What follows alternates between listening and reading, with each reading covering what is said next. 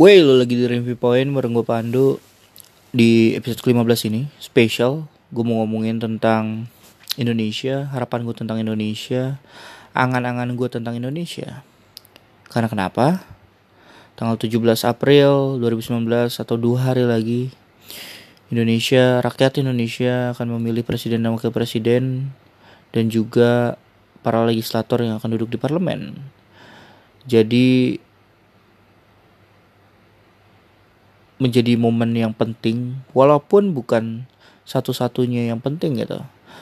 Politik elektoral kan ya kita harus akui gitu dalam konteks Indonesia menjadi salah satu instrumen politik yang menguatkan demokrasi gitu.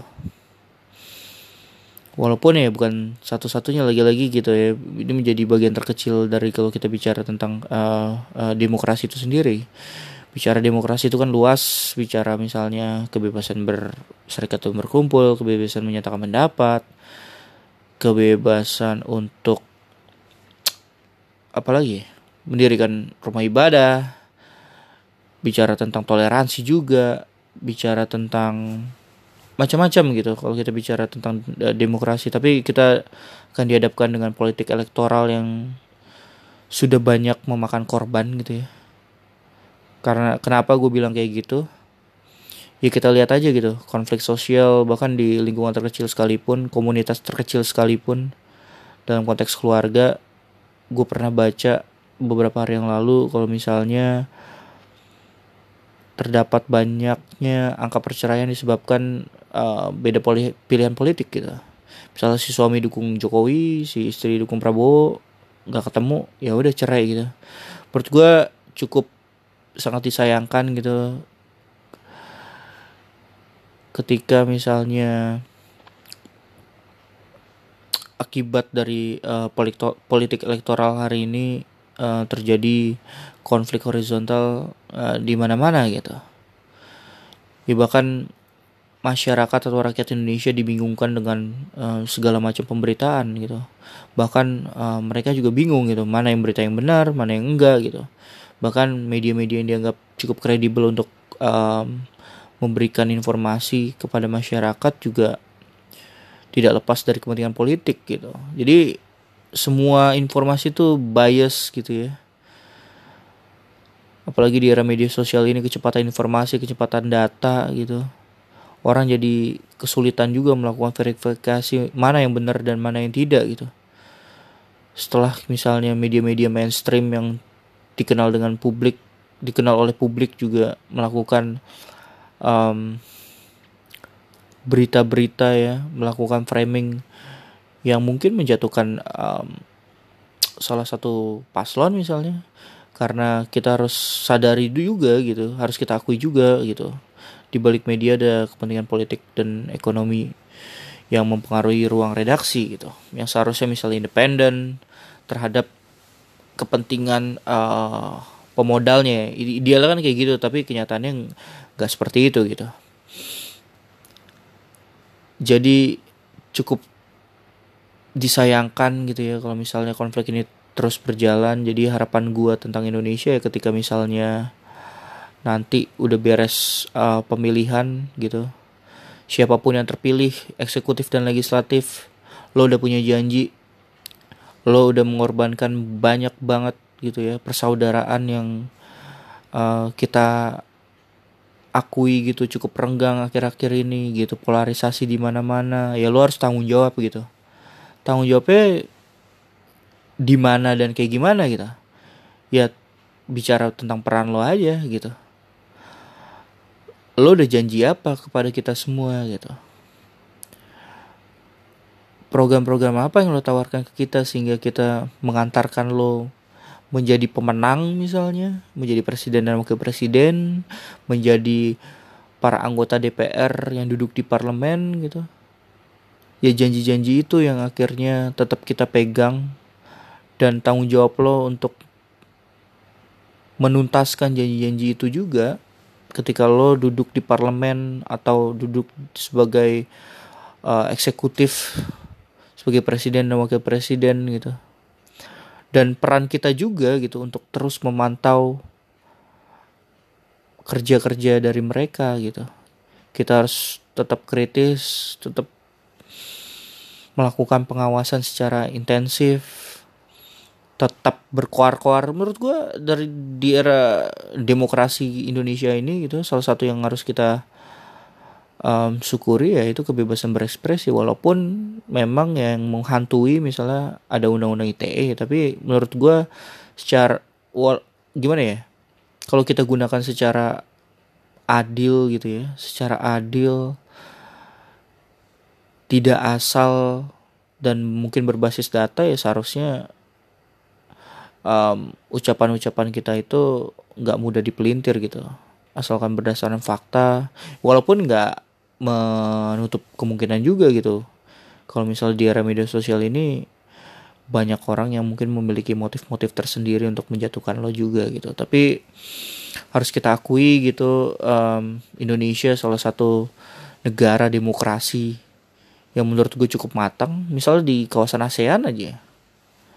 Indonesia ya lo lo harus akui juga gitu. Misalnya ketika ada pemilu um, sebanyak ya misalnya negara dengan populasi 270 juta ya sekitar 270 juta jiwa dengan misal angka pemilih mungkin sekitar uh, eh, 200 jutaan dan kita sampai hari ini gitu nggak ada tembak-tembakan nggak ada apa segala macam menurut gue itu harus diakui uh, gitu sebagai kemajuan demokrasi Indonesia.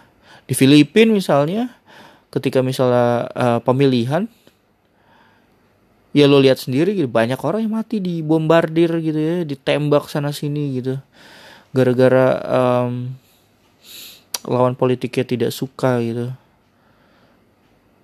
Tapi di Indonesia ya itu tadi milik korbanin juga udah mulai udah banyak tapi kita juga harus mengapresiasi uh, tingkat kematangan demokrasi Indonesia itu juga meningkat tapi kita juga harus um, memahami juga bahwa ya segala macam perpecahan itu memang ada di Indonesia gitu. Dan tugas um, khusus untuk presiden misalnya presiden terpilih nanti gua mengharapkan banget gitu ketika memberikan statement politik pertamanya sebagai presiden either udah diangkat atau belum gitu. Karena kan kita punya banyak metode gitu untuk mendapatkan informasi atau ya informasi lah ya either lo menang atau enggak sebagai presiden ya lewat misalnya quick count yang bisa dipertanggungjawabkan gitu. Ya gue mengharapkan gitu presiden terpilih nanti bukan hanya otomatis gue gue udah tahu sih maksudnya udah kayak skripnya gue udah tahu gitu dia akan berterima kasih pada rakyat Indonesia apa segala macam yang telah memberikan kepercayaan kepada kepada dia gitu untuk memimpin Indonesia lima tahun ke depan. Ya bukan hanya itu gitu. Tapi gue menuntut juga untuk presiden terpilih nanti di pidato politik pertamanya bilang dan mengakui gitu kalau selama masa kampanye ini kita udah cukup dihantui dengan ketegangan-ketegangan yang cukup dirasakan sehingga akhirnya polaris polarisasi di mana-mana silaturahmi juga berkurang atau mungkin yang tadi gue bilang ada angka perceraian yang gara-gara beda pilihan politik aja gitu perpecahan uh, di banyak lapisan. Jadi ketika nanti pidato politik itu gue mengharapkan presiden terpilih nanti untuk bilang ya kita harus kembali menjadi Indonesia gitu. Dan tinggalkan bias eh, bias-bias atau imbas dari pilihan-pilihan politik yang kemarin gitu. Jadi itu sih harapan gue untuk Indonesia. Rakyat Indonesia tetap kritis tetap memantau jalannya kerja-kerja di entah di legislatif atau eksekutif. Yang di legislatif kerjanya harus benar, melakukan pengawasan kepada pemerintah, nggak cawe-cawe proyek sehingga lo sadar sendiri gitu. Untuk periode 2014-2019 ini berapa banyak anggota DPR dan DPRD yang ditangkap di atau uh, ditindak ditetapkan sebagai tersangka misalnya oleh KPK gitu. Dan dan berapa banyak juga berapa puluh orang juga yang udah didakwa gitu. Di persidangan akibat kasus korupsi misalnya. Ya kita lihat aja gitu komitmen lo terhadap janji-janji yang udah disampaikan ke konstituen-konstituen lo ya lo tepati lah. Setidaknya lo perjuangkan gitu. Misalnya untuk anggota DPR kan tetap harus ada konsolidasi dan lain-lain. Pembahasan di komisi lah. Mendorong isu-isu tertentu untuk uh, masuk prolegnas sampai akhirnya disah disahkan menjadi undang-undang. Ya artinya apa yang udah udah lo janjiin lo perjuangin lah di situ gitu. Lo emang nggak nggak nggak bisa gitu untuk berjalan sendiri di situ. Lo tetap harus uh, negosiasi harus uh, konsolidasi dengan partai. Ya lo ribut lah di situ bahasanya ya. Karena lo udah punya janji terhadap rakyat lo konstituen lo ya lo ributin deh di situ itu di situ gitu. Ributinnya apa ya? Lo perjuangin apa yang udah lo janji ke kita sehingga kita milih lo kan? Jangan tuh kemudian uh, tiba-tiba lo hilang gitu aja. Lo bolos kerja lo kunjungan ke luar negeri yang entah hasilnya apa. Target target prolegnas lo nggak selesai target target penyelesaian RUU lo nggak selesai. Misalnya setahun cuman mengesahkan lima undang-undang atau bahkan misalnya cuma merevisi undang-undang yang udah ada sementara targetnya puluhan. Dan gue nggak mau itu terjadi lagi gitu lo udah bikin janji silakan lo tepati gitu. Janji-janji itu. Dan lo kalau masa-masa reses lo datang lah ke kita gitu. Lo memberikan pertanggungjawaban atas apa yang udah lo lakuin di parlemen. Biar kita juga tahu gitu kerja lo ngapain aja gitu. Jangan nih nanti ketika pemilu lagi masa-masa pemilu lagi lo datang lagi ke kita dengan cerita-cerita baru gitu ya janji-janji baru yang nggak mungkin lo tepati juga gitu. Gue nggak mau kayak gitu. Untuk presiden dan wakil presiden lo udah punya janji lo punya program lo punya um, itu tadi janji-janji manis yang udah lo sampaikan kepada kita rakyat Indonesia ketika nanti lo udah terpilih gitu ya. Entah itu jagoan atau enggak gitu ya menjadi presiden ya itu harus di again gitu lo punya jagoan masing-masing tapi lo harus menghargai keputusan mayoritas uh, rakyat Indonesia kehendak mayoritas rakyat Indonesia terhadap um, pilihan presidennya gitu. Ya lo udah punya janji gue yakin semua janji itu bagus semua program yang lo uh, punya kalau dijalankan dengan baik itu bagus ya lo jalankan deh tuh amanat itu selama lima tahun ke depan gitu. Lo komitmen di situ. Jangan kemudian kerjaan lo cuman bagi-bagi proyek aja kepada tim lo gitu ya kepada partai-partai pendukung lo gitu. Dan juga lo nggak berani misalnya untuk mengambil keputusan-keputusan yang um, cukup krusial misalnya political will lo misalnya berkurang lah gara-gara teman-teman di sekeliling lo itu diduga terlibat misalnya kasus pelanggaran HAM atau hal-hal lainnya gitu. Jangan sampai lo tersandra dengan orang-orang di sekeliling lo sehingga menghambat lo untuk memperjuangkan apa yang udah lo janjikan gitu Atau um, menghambat lo untuk uh, menuntaskan kehendak rakyat Indonesia gitu ya terhadap misalnya penuntasan pelanggaran HAM, uh, reformasi di bidang hukum, misalnya apalagi. Um, Oke, okay, kalau dalam hal reformasi di bidang hukum apa segala macam itu itu ranahnya uh, legislatif lah gitu ya. Tapi misal dalam konteks presiden ya setidaknya lo punya political will lah gitu untuk menyatakan kita akan memerangi ini, kita akan um, komitmen di sini presiden akan membentuk ini. Jadi kayak gitu loh. Itu yang gue harapkan dari uh, presiden nanti ke depan gitu. Jangan sampai ya janji sekedar janji aja kemudian uh, lima tahun ke depan gak jelas nasib bangsa Indonesia ini gitu.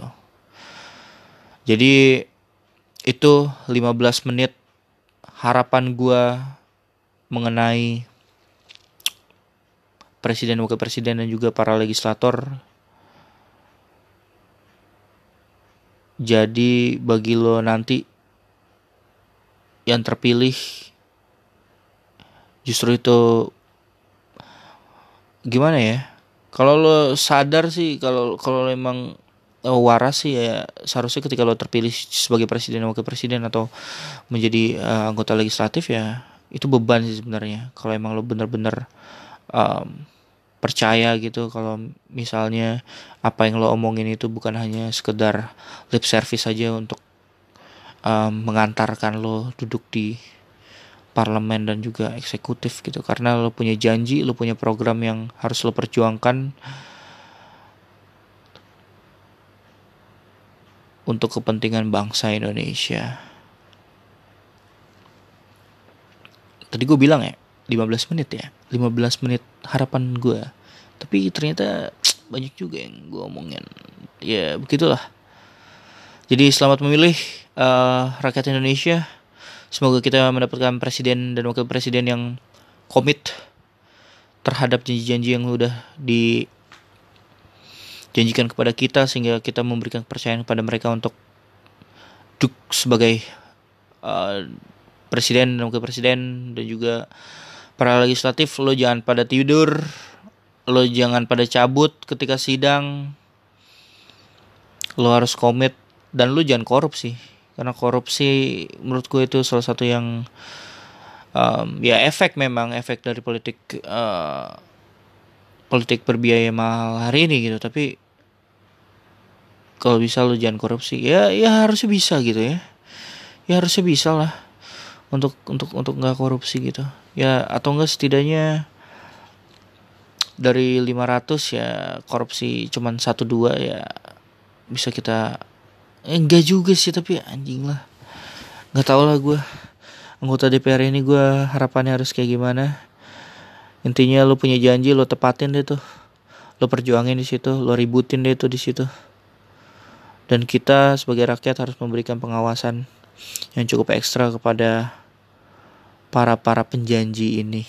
Jangan sampai selama lima tahun ke depan rakyat cuma jadi martir dan sadar ternyata kita sebenarnya lagi dimanipulasi oleh mereka yang kerjanya nggak benar. Gua akan mengawasi lu dan lu harus kerjakan apa yang lo janjikan kepada kita semua. Bye bye.